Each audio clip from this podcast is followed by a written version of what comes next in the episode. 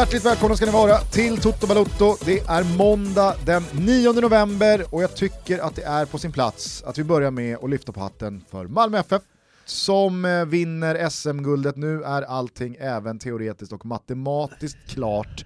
Det har ju varit klart ända sedan början av juli då Wilbur José manade till lugn gentemot alla som menade på att IFK Norrköping redan avgjort kalaset. Ja. Eh, igår så tryckte Malmö gasen i botten mot Sirius, det stod väl 3-0 redan efter en kvart. Mm. Eh, sen så gick jag in i förberedelse inför Fotbollssöndag Europa, så jag såg inte andra halvlek och själva crescendot då. Men jag skrev på Twitter eh, för några dagar sedan att det, det, det kändes verkligen som en symbolisk bild av den här allsvenska coronasäsongen. Att Malmö kommer avgöra inför tomma läktare med då huvudtränare Jon Dahl Tomasson hemma i karantän. Ja. Och så blir det ju liksom ännu mer då symboliskt senare under kvällen när, när, när, gänget i alla fall ska få käka middag. Ah, då får de ställa in för då har Christiansen testat positivt. Ja. Alltså det, jättegrattis till Malmö FF eh, först och främst, men vilken, vilken märklig allsvensk säsong det här har varit. Mm. Alltså de skulle ha kikat lite på att göra som eh, Lotito och Lazio. Det vill säga att de eh, använder sig av eh, en eget, ett eget litet laboratorium nere i Avellino där de testar sina spelare. Så att de testades positiva i Rom, mm. där de ska testa sig. Det är liksom, enligt den italienska folkhälsomyndigheten så ska man då testa sig i sin region och eh, de har då testat positivt olika Lazio-spelare. Men sen för att göra andra testet så drog de ner till Avellino och där var de negativa. Så då tog de med sig spelare, lirade matcher och sen testade de positiva igen när de kom tillbaka till Rom. Enligt det, liksom det obligatoriska coronatestet. Eh, så nu är, det, nu är det körning nere i Italien. Lotito han är i blåsväder igen. Ja, Lotito gör väl kanske inte sina starkaste covid-19 dagar. Nej, det gör han verkligen inte. Jag vet inte ska, ska vi översätta, ska vi ta upp det han sa om kvinnors vaginor? Ja, det kan du väl göra. Ja, men det var väl att det, det är fullt med bakterier i kvinnors vaginer, var det inte det han sa? Ja, alltså känslan var att här, han menade att där finns det också bakterier och det är inte så jävla farligt. Nej. Eller? Exakt. Har jag liksom ja, men jag, jag, jag, jag, förstår ungefär så. Mm. Vad nu det har med Vad nu det har med corona att göra, men det var hans kommentar på att så här, kan vi, jag tror att det var hans sätt att uttrycka också något slags så här, nu är jag trött på det här och kolla det finns bakterier även i kvinnors vaginor.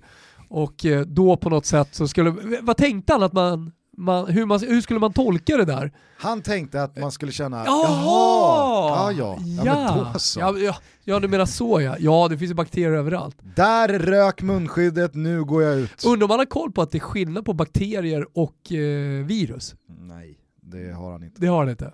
Klassiska kommentaren i alla fall från Claudio Lotito är ju när han ska säga att idioternas mamma är alltid gravid. Yeah. Och på italienska så kan man ju säga coglioni om eh, idioter alltså pungkulor. Eh, och då använder han, eh, då, då, då, blandar han ihop det lite så det blir eh, mamman till barnens pungkulor är alltid gravid. La mamma dei coglioni dei figli sen princinta. Mm. Eh, ja, där blev det också fel. Han har gjort mycket bra Lotito. Älskar han har när... också gjort mycket halvsvajigt. Ja, han ägde ju, jag vet inte om han äger dem fortfarande, men eh, Martin Åslunds gamla klubb Salernitana. Mm de går upp, tror från serie C till serie B och han ska dra något rus ut på planen. Halkar ja, ju och drar baksidan. Alltså överjävlig baksida drar ja. ja, det var, det var hamstring som gick hela vägen Ja, ja hela vägen. Och med tanke på hans ålder och jag tänker också fysik och eh, vilja att rehabba sig så, så lider han säkerligen av den eh, eh hamstringen fortfarande. Det har ju varit väldigt mycket liksom, eh, lika som bär-kritik eh, från oss här genomgående under ja, 2020. Nu är det ju olidligt vad det skickas in lika som bär-grejer på våra sociala medier. Sluta med det! Jag tycker bara att i just fallet Lotito så måste det nämnas att det är kul att den han i alla fall är mest lik är ju Percy Nilegård. Ja. men men då, då skickar ju folk in Johan Reborg. Exakt. Men så, nej, det, det är karaktären. Ja, verkligen. Ja. Eh, nu hamnade vi i Lazio och eh, Lotito då, det, det, var ju egentligen Malmös eh, SM-guld vi skulle gratulera och eh, premiera här. SM-guld 21 i ordningen, mesta mästarna drygar ut den där ledningen. Eh, Erdal Rakip tog väl sitt femte SM-guld. Eh, ja, bäst i Sverige på det. Så finnas någon IFK Göteborgare. Jo men vilka har vunnit liksom vilka har haft Ravelli. eror? Vilka haft eror? Ravelli, eh, jag minns att Erdal Rakip pratade om det här. Ravelli började i- spela fotboll på 60-talet i IFK Göteborg och spelade fram till 98 typ. Nej för fan, han började ju, det är ju öster.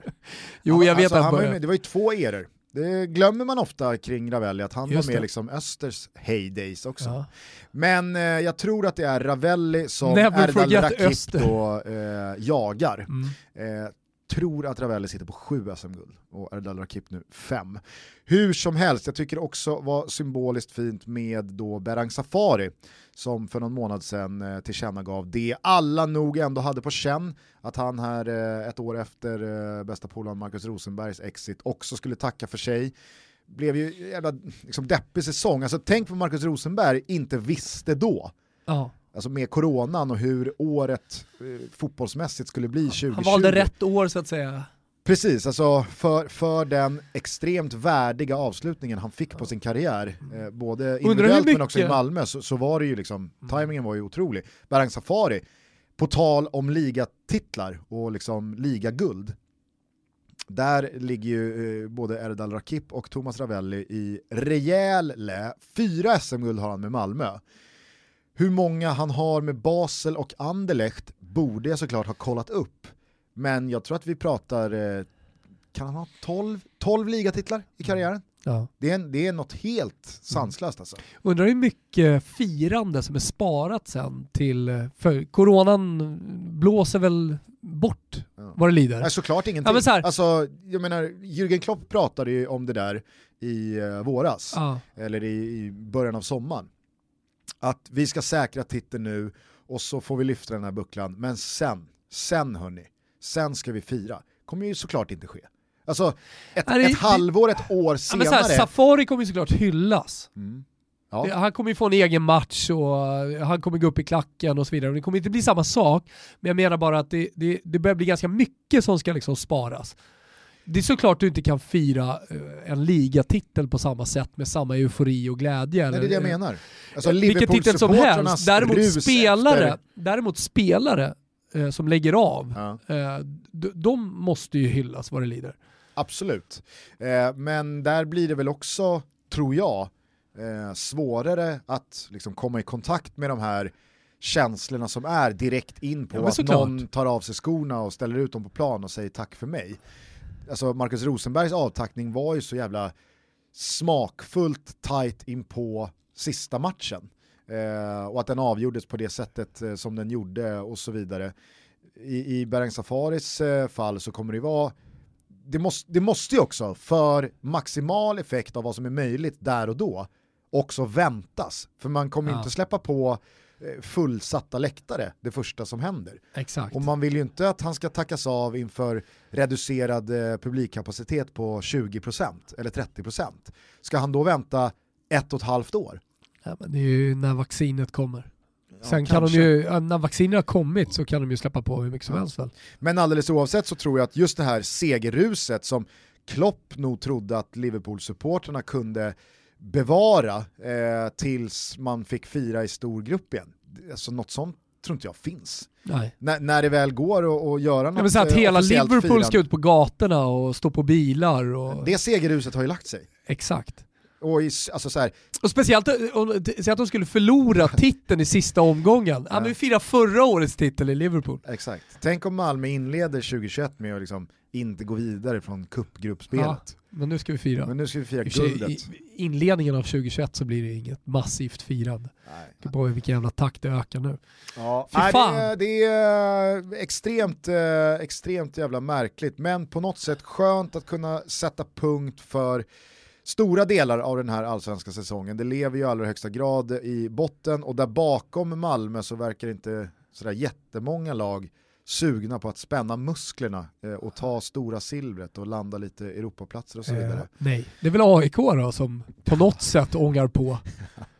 Ja. De har hittat i alla fall någon gnista, AIK. Det Men du, eh, det har varit en del snack om Nabbe såg jag.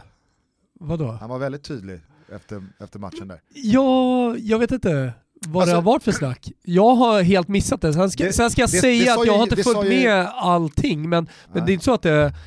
Jag menar, hade det varit någonting stort, hade det varit en stor snackis, hade det varit mycket kritik mot Nabbe så hade ju liksom vi i Toto Balutto liksom fångat upp det via någon som eh, skickat mail eller hör av sig eller pingar in oss eller man hör det via kompisar.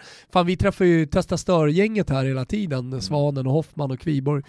Men eh, alltså jag har inte hört någonting. Alltså det, det, det jag antar att det handlar om, det det måste handla om, det måste ju vara den här då fakturan som har dykt upp i granskningen av eh, när eh, AIK sålde Nabbe eh, till eh, Saudiarabien var det va? För, för eh, några år sedan, fyra, fem år sedan, sex år sedan kanske. Jo, och det vet man ju att Nabbe har inte mått jättebra av det. Nej, men det måste ju vara det det handlar om, att det då har dykt upp en faktura som på något sätt är kopplad till någon slags organiserad Absolut. brottslighet.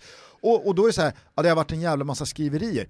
Om det är det det handlar om, så måste, alltså, nu, nu, vet inte jag vad som händer i Nabil Baouis inkorg och, och, hur mycket han får höra i direkta sägningar från folk som eh, stämmer upp.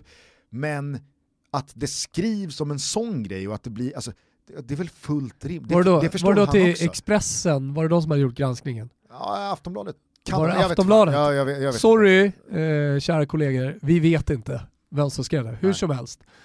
Hur som, vänta. Eller var det DN? Kan det vara DN? Kan det vara DN? Ah, ja. Hur som helst eh, så kan ju i alla fall inte, det kan ju, hans reaktion kan inte ha varit gentemot media som har granskat det. Superrimligt att det blir en story och en snackis kring ifall AIK på något sätt i en spelartransfer har blandat in någon slags utomstående part som har kriminella kopplingar. Ja. Alltså så här, sen vad det leder till, det mm. visar väl både någon intern och extern utredning här, vad det lider. Men eh, att det där och då blev lite snack, det är superrimligt. Men det har ju ingenting med Nabil, alltså att, att det har blandats in någon part därifrån, det fattar väl vem som helst. Det har ju inte med Nabbe att göra. Säga... Han är ju bara en fotbollsspelare som vill maxa cash i ett kontrakt och lämna en klubb eller gå till en klubb. Så en rådgivare som alltså. säger vi gör så här med cashen så blir det så mycket Nej, jag, jag, som möjligt. Så att Jon, säga. Jag hörde Jon Persson efter matchen med Dplay sändning också, han sa det jag, jag, vet inte riktigt uh, vad det har varit för snack, jag, jag har missat det i sådana fall, ja. men det var ju väldigt tydligt här i hans målfirande att det, det, det, ja, det var ju, det var ju väldigt tydligt. Alltså folk har ju gjort de där gesterna förut, alltså hyscha, snack, snack, snack med handen, ja. hyscha igen. Men han, han vill, det vill ju aldrig ta slut. Nej. Nej, nej. nej det var inte som... Helvete vad det har snackats, någonstans har det pratats otroligt mycket. det var som när Marcus Berg gjorde det där målet mot Luxemburg. Ja, efter 16-17 ja. mållösa matcher. Exakt. Och Axén hade väl i sändningen eh, innan konstaterat att hur mycket jobb man än lägger ner i defensiven och hur bra uppspelspunkt man än är och hur mycket man gör för övriga spelare och laget i sig, är man nummer nio, är man spjutspets i ett sånt här lag, då kan man inte gå mållös i 16 matcher. Det är för lite målproduktion. Och så petar han in en boll mot Luxemburg i match 17. Snickesnack. Det har varit en del snack va, sätter händerna bakom örat. Va? Hur låter det nu då? Allik.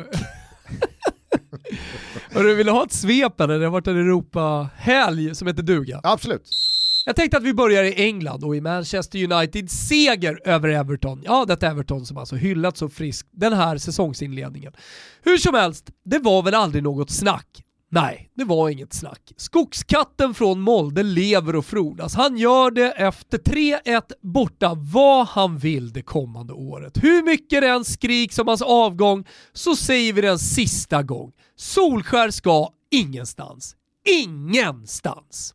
Chelsea förresten, vad gör Chelsea den här säsongen? De smyger med och laget eh, sätter sig allt mer. 4-1 mot Sheffield United kanske det inte ska dras några växlar på, men ändå. Jag håller koll på er Chelsea. Jag blundar inte. I övrigt löste Harry Kane en något krampaktig seger för Spurs mot West Brom. West Ham slog Fulham efter Panenka-haveri av Luckman. Crystal Palace dängde dit Leeds efter VAR-haveri. Och Arsenal, ja vad bliva av detta Arsenal? Åkte alltså på tre pålar rätt upp i fischlet av mitt favoritlag ute på öarna, Aston Villa.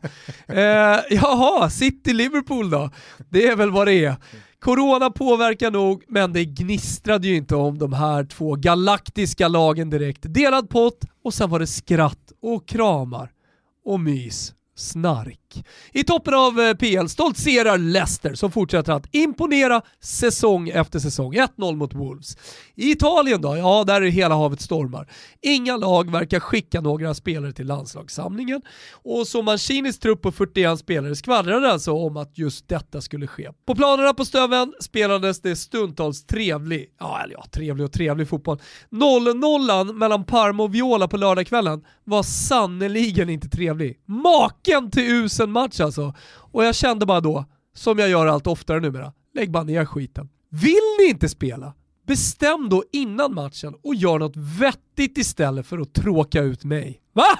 Nåja, det blev i alla fall lite mer fartfyllt och roligt mellan Lazio och Juventus till lunchpizzan på söndag. Ronaldo gav Juve ledningen och det såg ut att sluta så. Men efter en liten Inzaghi-knuff, Korea-show och passivt försvarsspel kunde Caicedo dunka in kvitteringen med matchens sista spark. Aj, aj Juve. Nu såg man ju verkligen Milan gå plus 6 i kvällsmatchen. Innan dess så löste Roma en 3-1 mot extremt trötta Genoa och ja, ni som missat det, Mkhitaryan har verkligen hittat sitt stora spel i den eviga staden. Tripletta och Roma hänger faktiskt med i toppen. Atalanta in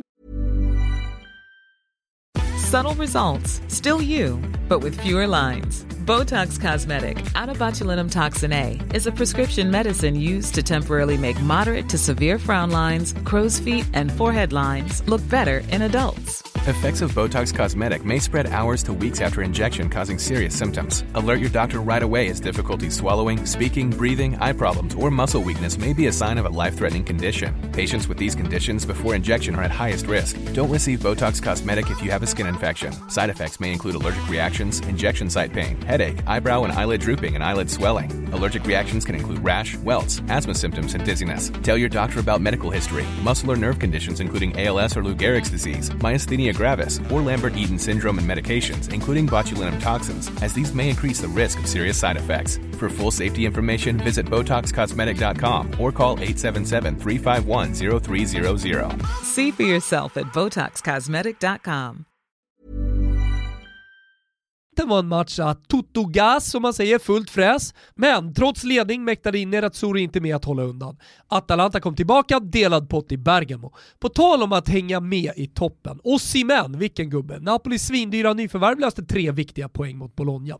Sen till kvällen då, skulle ju Ibra bli först i Milan-tröjan att göra mål i sju raka matcher. Ja, men det dröjde. I en match att Toto Ibra, i alla fall allt handlade om honom. Ja okej, okay, kanske lite superkeeper Silvestri och Rapazza Kanye i Hellas. Men Ibra lyckades alltså bränna en straff, nicka i ribbkrysset, vara ständigt delaktig i precis allt anfallsspel och till slut knoppa in 2-2 i Zona Cesarini, eller ska vi säga Zona Caicedo numera. Men nu säger Ibra att det är nog. Det får vara nog Gusten. Kessi skjuter straffarna framöver. Hur går det då i Tyskland? Hur går det för svenskarna? Nej, men Foppen han gnuggar på, inga poäng, helt okej okay spel, men med i startelvan när Leipzig slog Freiburg med beskedliga 3-0. Quaison satt bänk och kom in i 84. Sebbe Pebbe Andersson, ja, han spelade hela matchen men blev mållös i Bremen, fuck Bremen. Och bara för att stanna på svenskspåret så blev det faktiskt inte ens speltid för Alexander Isak i sossarnas segermatch mot Granada. Vi noterar der klassiker till Bayern München. Joao Felix i dunderslag, äntligen! Real Madrid på rejäl pump mot Valencia och Messi Ja, Messi. Folk vill prata om hans slalomräder, hans balans, hans teknik och otroliga förmåga att ständigt flytta bollen från motståndarfötter med små flinka touch. Men för mig är det avslutet. Ja, tillslaget! Pang upp i nättaket! Pang upp i nättaket! Som jag bara älskar nättaket. Argentinskt. Jävla länge sedan man hörde fischlet. Var det det du skrattade åt? Ja, Nej jag tycker det är kul. Det var, jag, jag, jag började skratta lite extra för att jag kom ihåg att eh, en polare till mig, han hade en kompis som liksom fick det väldigt tunga smeknamnet, Fischlet. Ja, men ibland, Han kallades liksom Fischlet. Ja, ja, men ibland känner jag att vi tenderar att gå ifrån att vara grabbiga, så därför tar jag tillbaka grabbigheten lite grann. Fattar. Ja, eh, ja matnyttigt eh, så det förslår. Ja. Det var en jävla händelserik helg. Jag håller med dig också initialt där eh, under helgen, fredag-lördag så var det ett par riktigt trötta matcher man vilade ögonen på. Ja men så här, Sassuolo har ju ah, alla Sassuolo, uppat och de spelar den roligaste fotbollen och det är så snabbt och det är så hög press och det är värst i Europa och så bara 0-0 mm. Odina. Mm. Nej, det, var, det var sorgligt alltså. Eh, kikade även lite Brighton Burnley. Såg du något Parma-Fio? Ja, lite. Ja, lite. så du har det Brighton Burnley, eh, Sassuolo, du har Parma Fio, alltså Parma Fio, jag vet inte varför de spelar den ens matchen. Alltså Ribéry såg lite spelsugen ut ibland. Ja, det, var väl, eh, det var väl vår gode vän Gian Dalaba, pressansvarig i Dalkurd, ja. stor Parma-supporter som skrev på det. Jag tyckte, det var så här, en briljant tweet i all sin enkelhet. Var liksom, skulle det inte bli roligare fotboll med Liverani? vad, var det ja, men... för, vad var det för snack om att det skulle bli rolig fotboll? Ja, eh, Liverani som alltså kom från Lecce och eh, för ett år sedan då pratade alla i Italien om att Lecce, de åkte minsann till de tuffa bortamatcherna och försökte spela fotboll. Mm. Det, var, det, det, var en tränare man såg i Liverani, ung, på gång framåt, har gjort lite gavetta som eh, kanske faktiskt hade tagit lite inspiration från Gasperini och de här uh, offensiva tränarna, De Zerbi i, i Sassuolo. Men nu i Parma, då är det totalt parkerad buss alltså. Och sen så ska bollen bara skickas på Gervinho som ska löpa. Ja. Det, och, och detta mot Fiorentina på Tardini, alltså på hemmaplan. Mm. Det är många tränare som är ganska osanna mot sig själva vågar jag påstå, den här eh, Serie A-säsongen. Vad tänker du på? Nej men jag tänker på att eh, alltså, eh, Marans Genoa ska vara liksom solitt och stabilt ser uselt ut. Ja. Alltså det är så rörigt. Ja, ihåligt. Ja, ihåligt och rörigt och slappt. Det lojt. som är Maran, det är att man ser så tydliga linjer och det är så bra försvarsspel och mm. man vet exakt vad man ska göra när man ställer om. Och då undrar folk så här, vad har han gjort då? Ah, men det var ju han som, liksom, likt Pelle Olsson med Gävle, tog Kievo till övre halvan i hur många säsonger som helst i rad. Han gjorde det riktigt bra där. Eh, och sen så har du ju då Contes Inter. Jag tror att jag har jinxat Maran med att Cagliari skulle ta en topposition förra året ja. i, i uh, Toto... Men det var en fin höst. Toto-trippel tänkte jag säga, men det är en Betsson eh, långtidare. Ja. Vi fick hösten i alla fall. Ja. Eh, nej men så har du Contes Inter, alltså Contes lag som alltid ska vara så hårt jobbande och det ska verkligen vara tuta och köra och alla lyder eh, honom och så det, det är slarvigt. Ja. Slarvigt och lojt och dumdristigt tycker jag som personifierar detta Inter. Ja. Men sen så är det så mycket, jag var inne på det i svep och alla pratar om det, vi har varit inne på det också i, i podden, alltså det är så jävla märklig fotboll som spelas nu. Mm. Och det är säkert påverkat av mycket, alltså att det inte är någon publik det är en sak såklart, men sen så att det är så mycket fotboll, alltså bara det att landslagsspelarna skulle alltså iväg nu och köra tre matcher. Mm.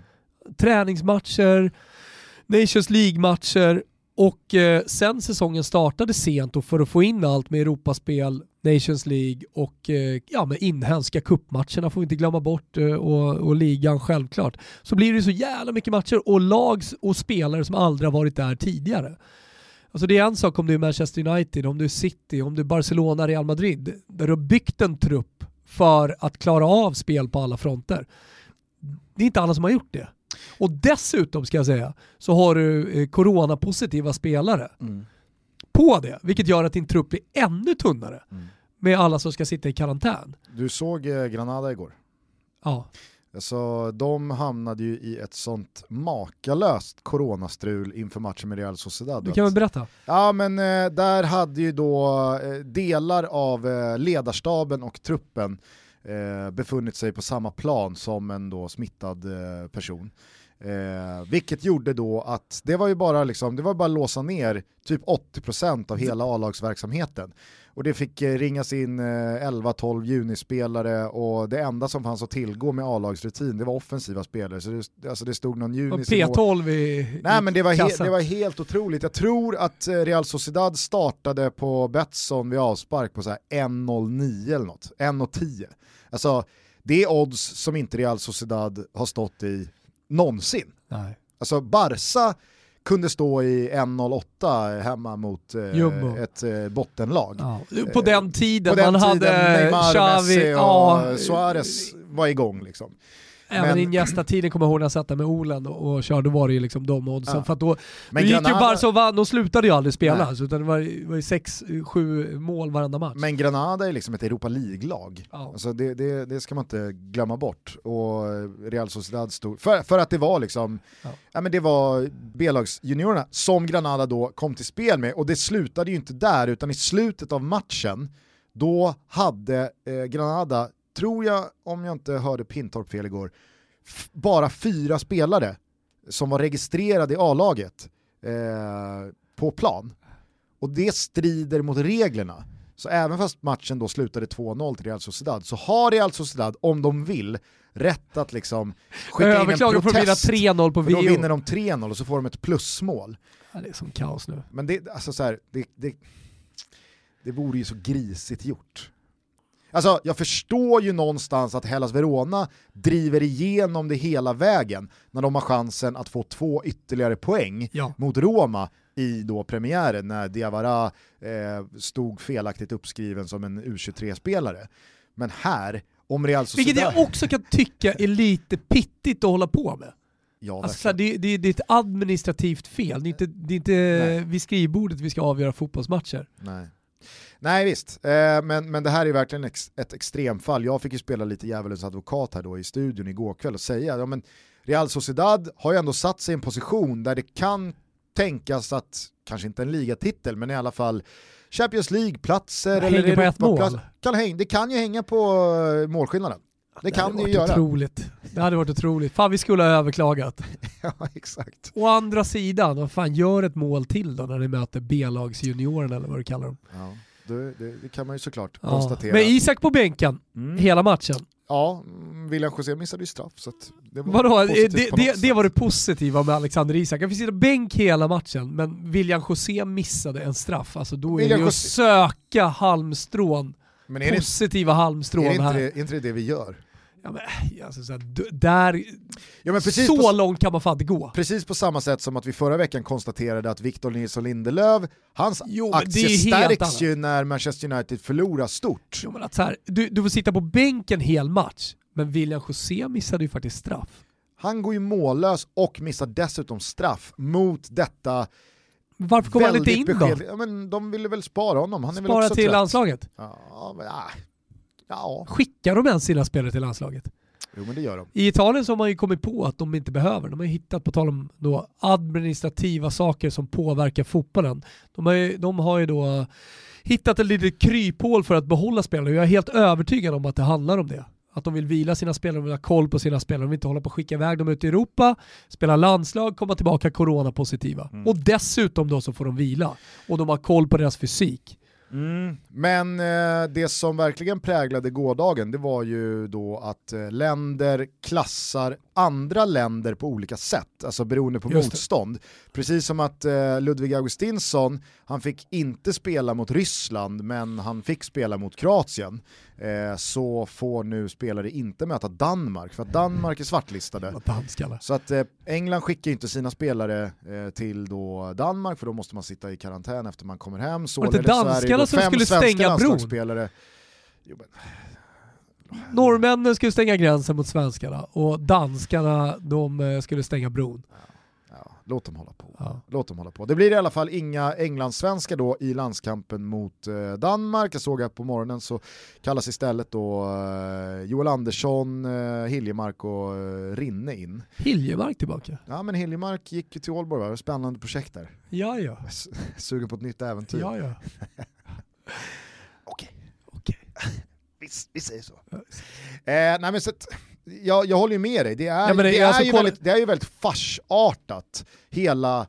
Alltså Jo, men det här, nu pratar vi om de, de svenska också- spelarna. Ja, ja, nej, Vad men- gör Sampdoria idag? Skickar de ens Ekdal? Jag har inte ens kollat listan på italienska klubbar som inte vill skicka iväg spelare till Ja, landslags... Det var ju en hel radda eh, italienska klubbar Ja, men det kan ju komma ännu fler idag Ja. medan vi spelar in. Jag menar bara att det, allting blir ju parodiskt. Mm. Nej, men jag skulle säga det för att jag tycker att det är väldigt, i, i det stora perspektivet, farsartat.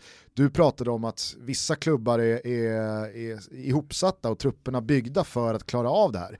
Alltså, inte ens det stämmer ju om man lyssnar till eh, hur det lät på Ole Gunnar Solskär och Klopp här i dagarna. Alltså, Eller Torshäll.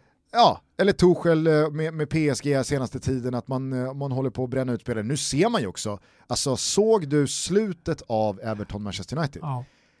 Ja, men det, det, det, alltså, spelare går ju på knäna. Ja. Och Ole dundrar ju på efteråt, med all rätt såklart, att herregud, hur kan vi spela borta mot eh, ett turkiskt lag sent onsdag kväll? Vi är alltså i Turkiet torsdag eh, förmiddag. Ja. Och 48 timmar senare så ska vi spela Premier League-fotboll borta mot Everton. Vi får den första liksom, lördagsslotten eh, i omgången. Varför fick vi inte i alla fall lördag kväll? Eller söndag?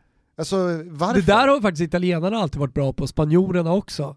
Att eh, se till att justera spelschemat efter hur man spelar i Europa. Ja. Det är därför man inte gör som Premier League, alltså skickar ut spelschemat redan i juni. Många kritiserar ju Serie A för att man är så sega på att skicka ut spelschemat, men det är ju delvis också för att man vill se vilka lag som går ut i Europa. Mm. Och sen så håller man det lite öppet är många som eh, hör av sig till mig, i alla fall normala tider, inte nu under corona, som ska ut, eh, eller vill ut eh, och kolla på fotboll i, i, Europa och då till Italien som undrar när fan får jag reda på spelschemat? Men, men där väntar man ju alltid för att se hur det går i Europaspelet. Och då blir många förbannade, de jävla italienarna, de är igång. Men det blir ju bättre för lagen då, för att då kan man anpassa det på ett helt annat sätt. Mm. Ja, ja, men sannoliken. Och visst eh, sker det skador som inte är kopplade till corona och eh, det tajta matchschemat, utan det är smällar och dueller som leder till skador. Men nu är det ju så pass mycket skador också som kommer från ja, såg uppenbarligen... Trent igår. Ja men Trent Alexander-Arnold har du, i United så gick väl både Rashford och eh, Lindelöf och de Gea, alltså så här, alla har småskavanker som inte hinner åtgärdas för det är match eh, två, tre dagar senare hela tiden. Eh, Ronaldo kliver av, där är det väl förmodligen då inte speciellt eh, mycket kopplat till, eh, till det tajta matchschemat i och med att han har suttit i karantän här eh, ganska många veckor senaste tiden.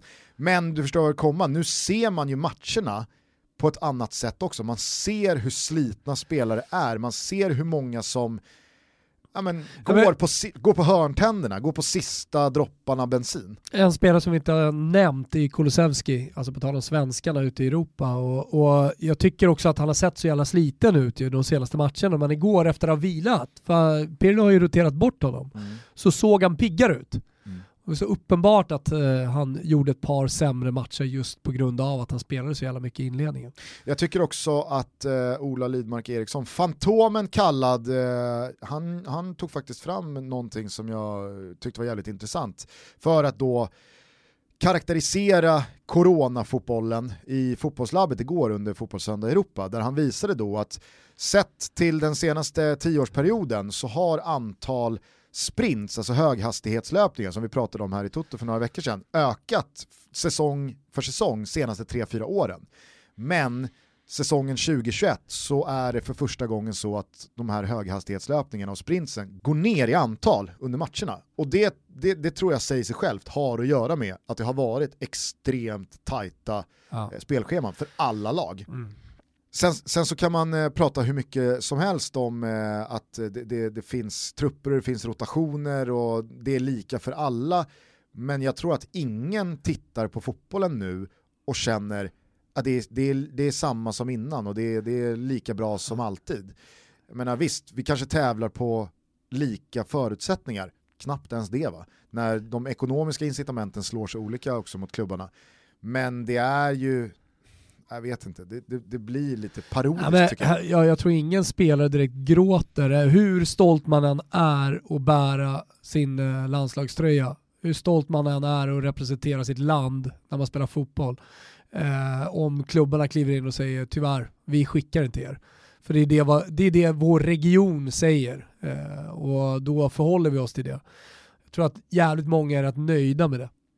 Tror du att det kommer komma, om inte den redan är här, en ny korruptionsvåg inom fotbollen där klubbar mutar myndigheter att liksom utfärda eh, utreseförbud eller eh, rödflagga vissa geografiska zoner. För det händer väl redan, det är kanske det som ska, händer i Italien. Ja, men det är det jag menar, att klubbarna då ska kunna hänvisa till att hej, det är inte på oss, alltså, vi hade gärna skickat våra spelare, det mår vi bra av och det är bara kul för oss att vi har landslagsmän, men vi måste såklart respektera myndigheternas eh, rekommendationer och regler här. Det är, ju, det är ju det som händer i Italien, jag säger inte att det är korruption, men eh, är det några som är smarta, läser eh, de eh, lagar och regler som finns, så är det ju fan italienarna. Hittar de en jävla klausul någonstans som de kan utnyttja till sin fördel, då kommer de göra det. Och det var ju någon klubb som började och sen så följde flera klubbar med efter då. Så det är liksom nästa, att man buggar... Det är därför jag säger att det, snart har alla Serie A-klubbar sagt att vi skickar inga spelare. Istället för att bugga liksom Modji-typerna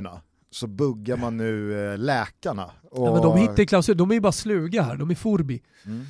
Ja, ja, men det, det, det, alltså så här, varför inte? Ja. Det, det, det, Nej, jag tycker de är helt rätt. Helt rätt. Och, och sen, sen, kan jag också tycka att det kanske är rätt ur ett eh, folkhälsoperspektiv. Varför ska de skicka ut alla, alltså just nu när viruset lever och frodas ute i Europa, mm. överallt. Varför ska du skicka ut en massa fotbollsspelare för att spela massa obetydliga landskamper? Är en sak, vi får se vad viruset är i sommar, nästa sommar, eh, och hur man liksom hur man kan göra för att faktiskt spela Europamästerskapet. Men just här, just nu, med spelare och lag och klubbar som går på knäna och eh, ett virus som uppenbarligen har skenat iväg, varför ska vi spela massa jävla landskamper? Danmark borta, träningslandskamp. Varför ska vi göra det? Jag är peppad. Du är peppad? Ser man på Simor på onsdag, Danmark-Sverige. Ja, men alltså, jag är peppad för att jag vill se uh, Oskar Hiljemark, jag har inte sett honom spela på jättelänge, men förstår vad jag menar? Alltså, jag, det är klart jag kan peppa igång för den. Skulle Roberto Mancini behöva ta in en massa Serie B-spelare, alltså, då blir det ju kul. Det blir ju roligare än innan. Grifo är med igen.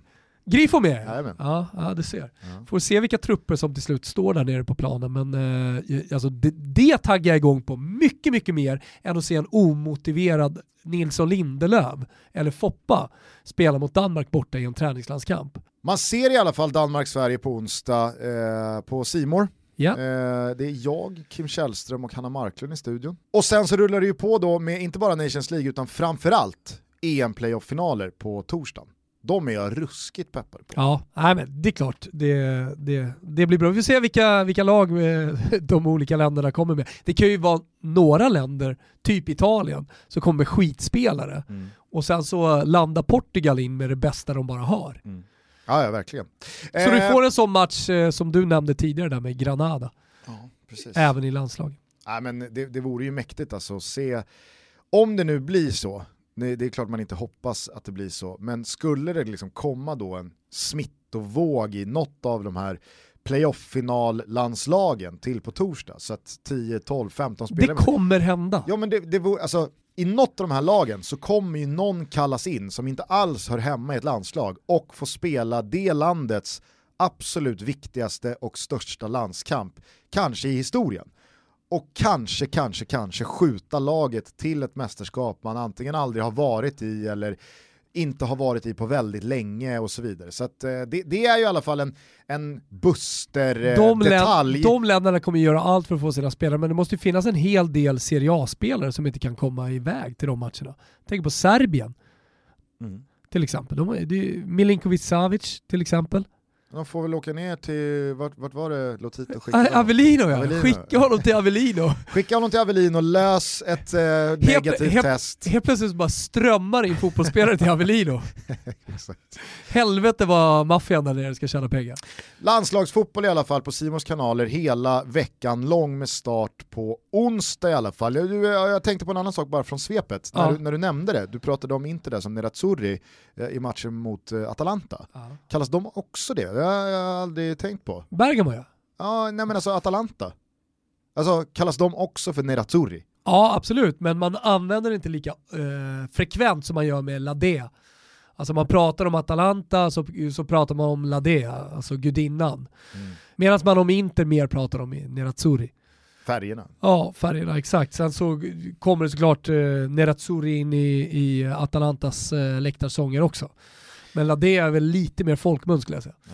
Ja, men eh, bra, då, då har man det på plats här. Ja, vi bara... reder ut saker och ting Gusten. Så, ja. så är det sannoliken. Vi är fortsatt sponsrade av våra vänner på K-Rauta. Färgveckorna fortsätter där borta och det är grymma erbjudanden just nu på målarfärg, spackel och olika typer av redskap inom färg. Man får just nu hela 20% rabatt på ett stort urval av produkter inom färg och tapet för alla rum och ytor i hemmet samt allt man kan tänkas behöva när det kommer till färg. Vad kan du för eh, målarredskap Gustav? Satt och fnissade lite för mig själv här när du sa att eh, det, man, man, fick eh, rabatt även på målarredskap. Vad har du? Vad har du? Roller. Bra! Pensel.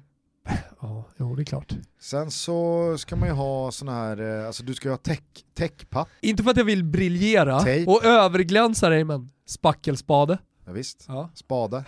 spade. Bara spade. Hörru, jag vill också tipsa om en annan sak. Eh, Jag som bor i radhus Gusten har precis byggt en liten mur har ju sett till att lysa upp den. Och det finns hur mycket utomhusbelysning som helst. Jag vet inte om du har tänkt på det, men det blir mer och mer vanligt att man lyser upp sin trädgård och sina uteplatser. Mm. Och här finns det jättemycket. Och då vill jag också tipsa om att det finns ved. Och du som bor ute på Hattudden, mer och mer nu för tiden. Jajamän. Ja, eh, och har kamin där ute. Du måste ju ha ved. Elda satan. Visst gör det? Ja det gör jag.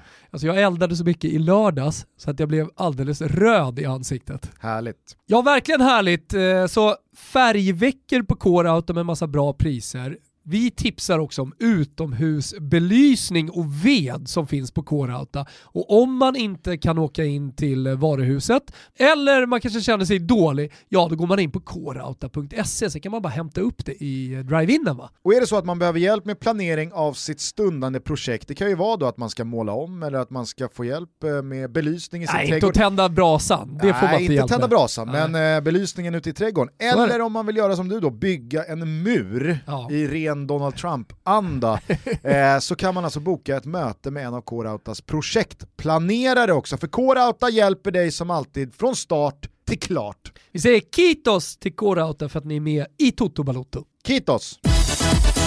Du, eh, jag tycker att vi eh, kort måste beröra den här straffen som du tog upp i, i svepet. Som, Måste vi det? Ja det måste vi. Ademola Okej. Luckman eh, slog en straff för Fulham i slutet av matchen mot West Ham. Alltså, det, det, ibland har jag märkt här på sistone är det ganska svårt för mig att göra måndagstutto efter fotbollssöndag Europa. För jag, tänker, jag tänker i mitt huvud att liksom, det här blir en upprepning för att alla kollade på fotbollssöndag Europa igår och nu sitter vi och pratar om det. Det finns ju faktiskt de som lyssnar på Toto men som kanske inte såg då Sen sitter i ju inte jag i Fotbollssöndag i Europa, så man går ju miste om mina reaktioner och min analys. Exakt. Exakt. Plus att jag kände Och det är ju därför man lyssnar på jag Toto. fick inte leva ut hela min åsikt i den här frågan Gud vad i skönt då. studion. Så Kom då, nu- kom då. Jag kan ju bara säga det att eh, för er som inte vet vad en Panenka-straff är, in på Spotify, lyssna på Never Forget, ni kan scrolla ner till just Panenka-avsnittet så berättar vi hela historien. Det gör vi. Eh, för er som eh, inte orkar pausa dagens avsnitt och, och bryta emellan då med Panenka-avsnittet innan eh, ni lyssnar vidare på det här så är det då liksom chipstraffen. Ja. Totti gjorde den i EM 2000, Pirlo, Sergio Ramos har gjort den, det är många som har gjort den. Men, men, ja. Du ska få säga vad du vill sen. Eh, jag hörde ert snack i studion igår, jag vill höra vad du har att säga. Ja, eh, förutsättningarna är i alla fall de att Fulham ligger ju pyrt till tabellmässigt. Har gjort en eh, svag start poängmässigt, spelmässigt också i, i, i många avseenden. Nu möter man West Ham och eh, man hamnar i underläge i den 92 minuten efter att ha stått emot och stångats och krigat för den där pinnen. Men då får sen då Fulham straff i den 97 minuten. Fram skickar man Ademola Luckman, 23 bast tror jag han är, eh, som i det läget väljer att slå en Panenka-straff. Och den är så fruktansvärt uselt genomförd så den har liksom inte ens, den har inte ens fart att nå över mållinjen i luften utan istället så kan Fabianski bara skopa den på liksom ett knä stående, inte ens ute i hörnet utan ja, det, det, den är bara fruktansvärt svagt slagen, den är, den är felaktigt eh, utförd på alla sätt och vis. Och då känner jag bara, man kan inte slå en sån straff i ett sånt läge. Eller så här, du kan slå en sån straff i ett sånt läge, men då får du fan sätta den. För du kan inte missa en straff på det sättet i det läget. Men det är ju det som är med Panenka-straffen. Precis. Alltså det är en sak i en träningsmatch såklart, eller det är en annan sak i en träningsmatch, eller i en eh, ligamatch om du leder med 2-3-0, vad vet jag. Men eh, de största, de coolaste Panenka-straffarna, de slår du också i de största matcherna. Men det är, det, det är enkelt med Panenka, antingen sätter den så är du hjälte och så är du hur cool som helst, eller så missar du. Mm. Kan hit och kan dit. Du vad fan du gör. Den här straffen, den var missad redan vid ansatsen. Tänkte du på det? Ja, ja absolut. Nej men eh, hans första steg han tar, då har han missat Ja, den. men- För Panenka-straffens hela utförande, den hänger ihop med ansatsen. Hur du ser ut, hur du beter dig hela vägen fram till bollen och sen självklart hur du, hur du träffar bollen. Och vet du varför den är missad redan vid ansatsen? Jo, för att Ademola Lookman är en spelare som uppenbarligen tar en sån här straffmiss när han har försökt sig på en Panenka i det läget och då när, när resultatet blir negativt bryter ihop och liksom gråter och ber om ursäkt till allt och alla och jag skäms. Och, alltså, du, kan inte, du kan inte slå en Panenka-straff, missa och sen reagera så. Nej. Då ska du aldrig slå en Panenka-straff. Vet De du vad, som den slår- här var missad Ja, men- redan i tanken, i, alltså dagen innan han tänkte får jag straff då ska jag dra en Panenka Men- för han har gjort det någon gång lite skönt på träning. Om en spelare missar en Panenka, då finns det bara en reaktion som är den korrekta. Det är liksom, håll käften. Du ska inte tala om för mig vad jag ska slå för straff. Jag slår precis vilken Precis, jävla för- straff jag vill. Bröstet ut, örfil dit, spottloska dit. För en sån spelare kan missa en Panenka-straff och stå upp för sig själv. Men Luckman, inte du kan inte skit. göra det. Men en spelare som böjer nacken, kutar på ryggen, börjar gråta och börjar be om ursäkt till höger och vänster. Det är så här, du ska inte slå en sån straff, för du pallar uppenbarligen inte av trycket att missa en sån straff. Det är det jag menar, att om du missar en straff med en hård insida mot stolpen och det är en bra räddning eller den går stolpe ut eller vad De det är. Bruyne.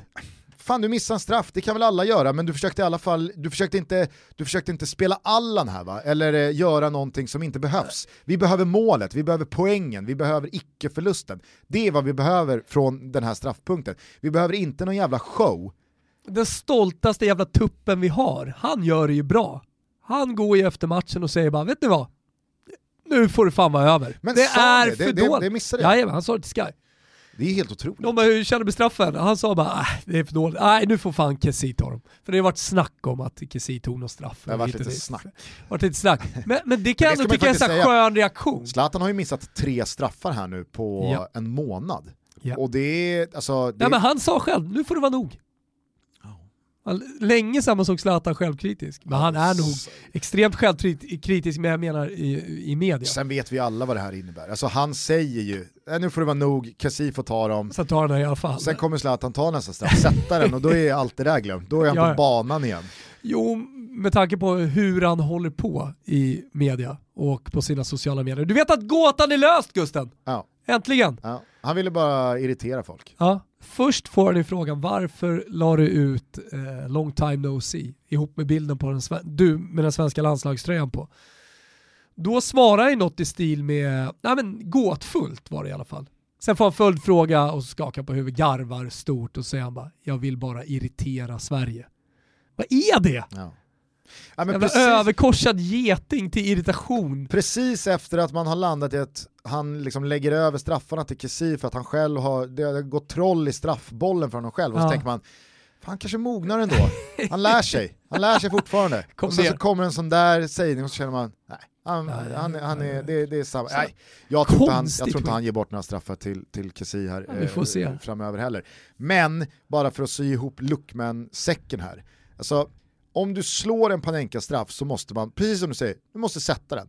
Men missar du den, då måste du ta det, du måste brösta den missen Ja. med att vara liksom så jävla självsäker och trygg i dig själv och liksom... Vet ni vad, nästa gång då Nästan tar jag en Panenka om jag känner för igen. Exakt. Ja. Jag kanske slår den nästa Och det gång kan igen. handla om nedflyttning den gången. Det kan vara 94 minuten och det kan vara nedflyttning på spel. Jag tar Panenka-straff i alla fall. Attityden måste vara, Annars kan du i sådana fall får tränaren säga att du tar inte straffar. Men så länge jag tar straffarna, så länge jag är förärad med det förtroendet, då slår jag vilken jävla straff jag vill. Det ska ni höra. Du och du och du och du. Och, alltså, du vet, Point taken Gustav, måste- men missade ni er lilla studio? ja, nej jag tycker inte att vi missade Din åsikt gjorde det. jag känner, jag kan, jag kan Enda åsikten Du jag har- vill lyssna på. Ja, eh, Astrid eh, Ajdarevic som gästade oss igår, han var ju med då att säga, ja, men, eh, det, det är gjort, gjort är gjort och det beror helt på vad det är för person. Man får eh, i sådana fall då eh, liksom, känna av eh, situationen och vad är det för person som har missat och vad är bäst för laget utifrån de förutsättningarna. Backe var ju mer rak, det här blir free transfer. Jag gillade Backe, eller jag ska säga att jag gillade Backes energi som han kom in med i studion. Han var på något eh, finurligt humör igår. Lite pillemarisk. Lite pillemarisk och glad och härlig. Ja. Eh, jag tänker, eh, om du inte har något annat eh, Jo, det i- kom i precis pipen här nu. Eh, vi har ju blivit så aktuella i podden. Just nu från eh, TV4-nyheterna. Pfizers, heter de så? Pfizer. Om du pratar läkemedel. ja, eh, exakt.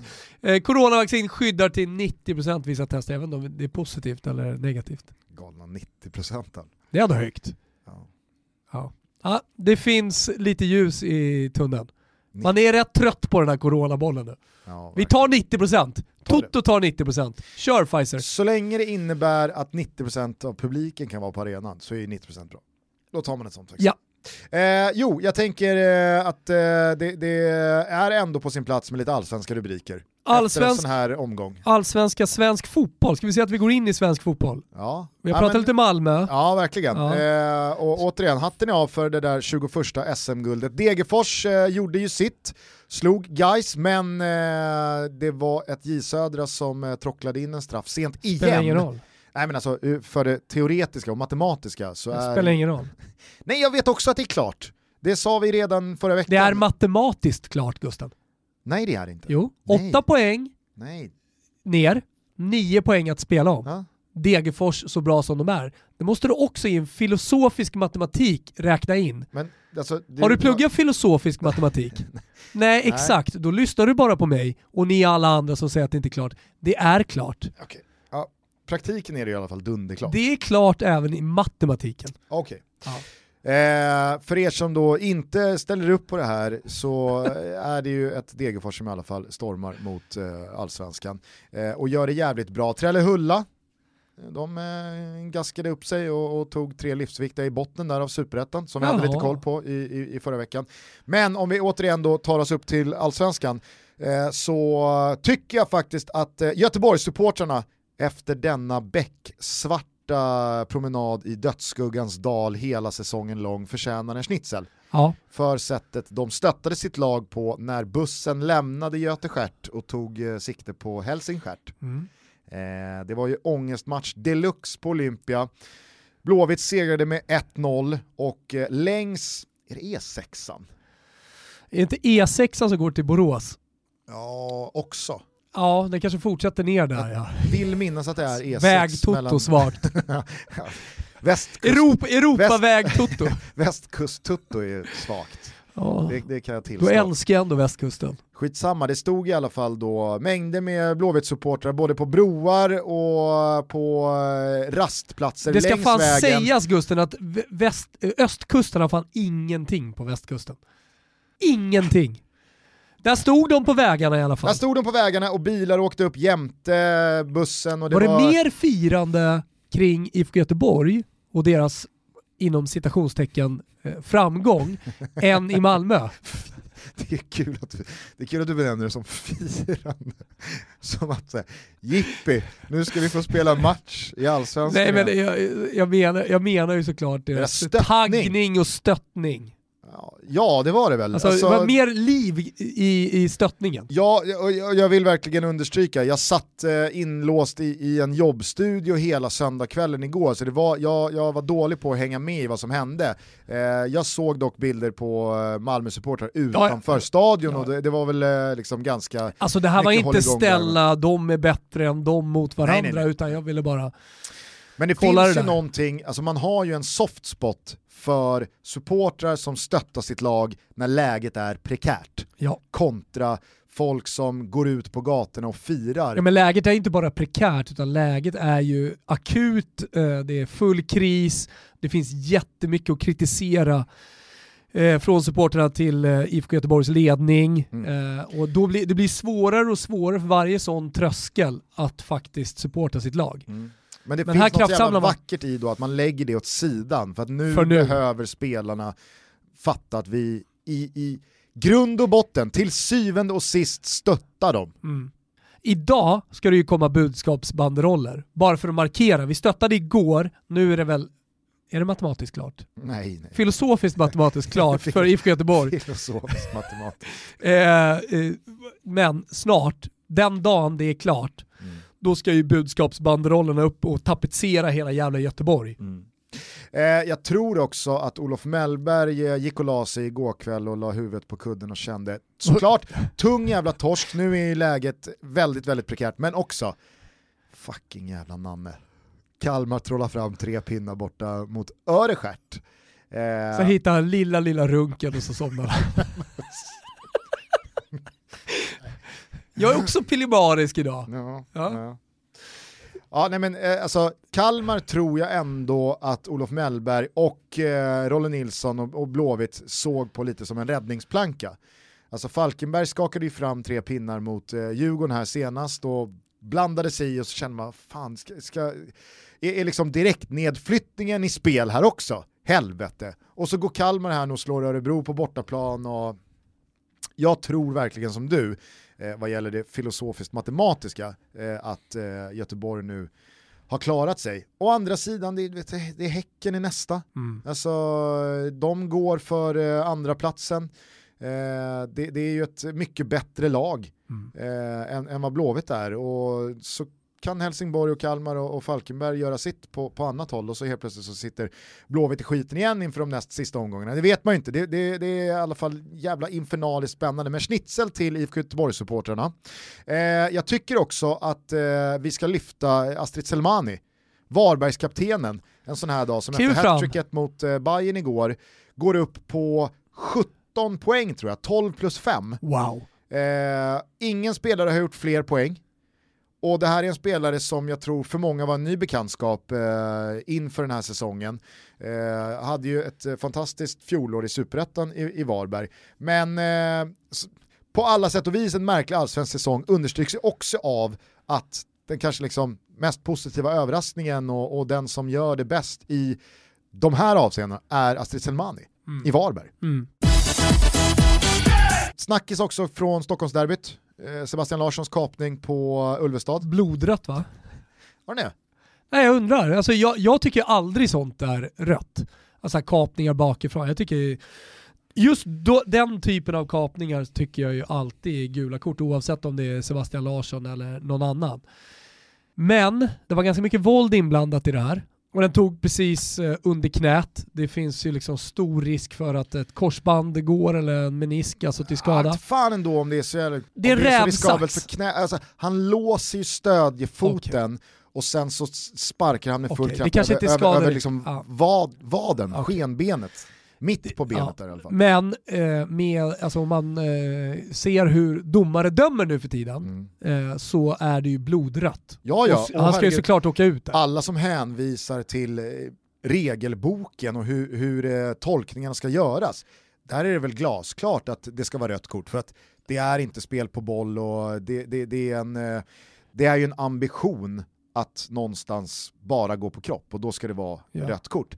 Men om man går till sig själv, om jag i alla fall gör det, och försöker se till både sammanhang och vad det är för fotboll som jag ändå kan uppskatta, så är det ett derby mellan de två största rivalerna, det är Djurgården mot AIK, några minuter innan så har ju Sebastian Larsson skrikit åt Ulvestad i någon straffsituation där han tycker att Ulvestad... Så det fanns ju liksom en, en personlig fight de två emellan. Ja. Och så ska Sebastian Larsson då liksom verkligen visa vem han är och vem det är som bestämmer de två sinsemellan. Och så gör han det. Alltså, jag försvarar inte tacklingen i sig, jag tycker inte på något sätt att den är Men du tycker att det är lite derbyhärligt att det händer? Hade det varit fullsatt på Tele2 så är jag helt övertygad om att den där tacklingen hade gett oss som hade tittat på en jävla mycket mer maxad och adrenalinstinn och uppumpad match. Hade det där varit slakthuskurvan, Ja, Då hade det Med kastats liksom- grejer. Med fullsatt borta sektion med massa AIK-are. Är det, inte, det, det är ju känslorna, det är väl det där vi älskar. Och sen är problemet att det inte är publik. Men vi vill ha det där. Sen kan vi diskutera, eller vi behöver inte ens diskutera, det är rött, han tar upp det gula.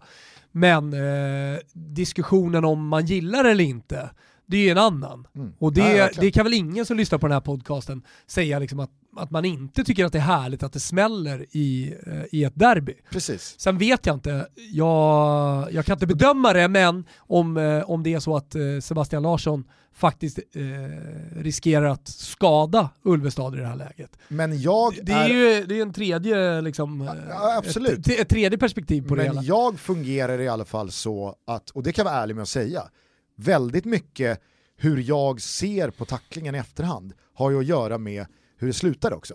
Nu reste sig Ulvestad upp och kunde spela vidare matchen.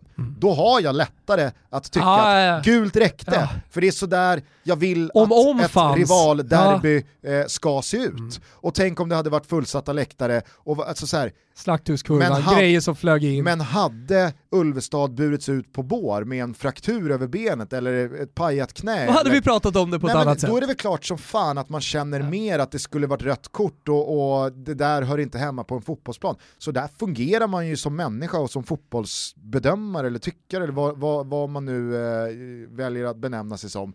Men jag tycker också att det här bara understryker det som framförallt Danne och Friberg har pratat om i den här podden, att det finns vissa spelare i den här serien som har en annan färg på reggskylten än majoriteten. Sebastian Larsson Det behöver vi inte heller diskutera, det Nej, var blodrött, han har blå reggskylt. Det var Sebastian. Larsson. Sebastian Larsson och Marcus Rosenberg och en del andra spelare Mm. kan göra saker på en fotbollsplan som inte... Lustig kvitterar ju ut sin blåa reggskylt efter säsongen. Lustig, Toivonen, Wernbloom ska ju nämnas i det här Ja, sammanhanget Kiese också. Thelin ska nog också ha en blå. Vad fan har Kiese Thelin gjort? Jag vet inte. Han ska ha blått. Okej. Ja, ja. ja. Eh, nej men så, så, här, så är det. Jag så tycker det. Simon Thern är värd en blå reggskylt. Det har han gjort sig förtjänt. Snacka så mycket. Ja, Ja. han skriver framförallt mycket på Twitter. På tal om derbyn Gusten, eh, vi säger grattis till AIK, vi säger grattis till Hammarby, så här lite i efterhand, som båda är klara för damallsvenskan nästa säsong. De kommer etta respektive tvåa. Allting är matematiskt klart Gusten. Så det blir en massa derbyn och då kanske några tänker, men vadå Djurgården, de har ju 21 poäng och Umeå som ligger på nedflyttningsplats, eh, de har ju 20 poäng.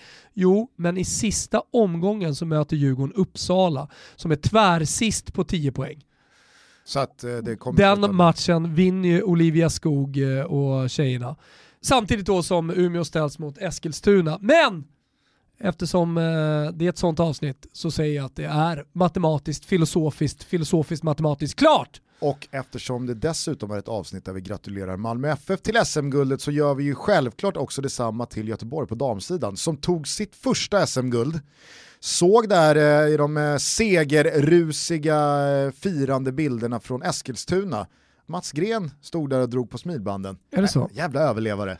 Riktig överlevare. Jävla överlevare han är De Mats Gren. kommer att få konkurrens vad det lider. IFK Göteborgs flickakademi är verkligen på gång.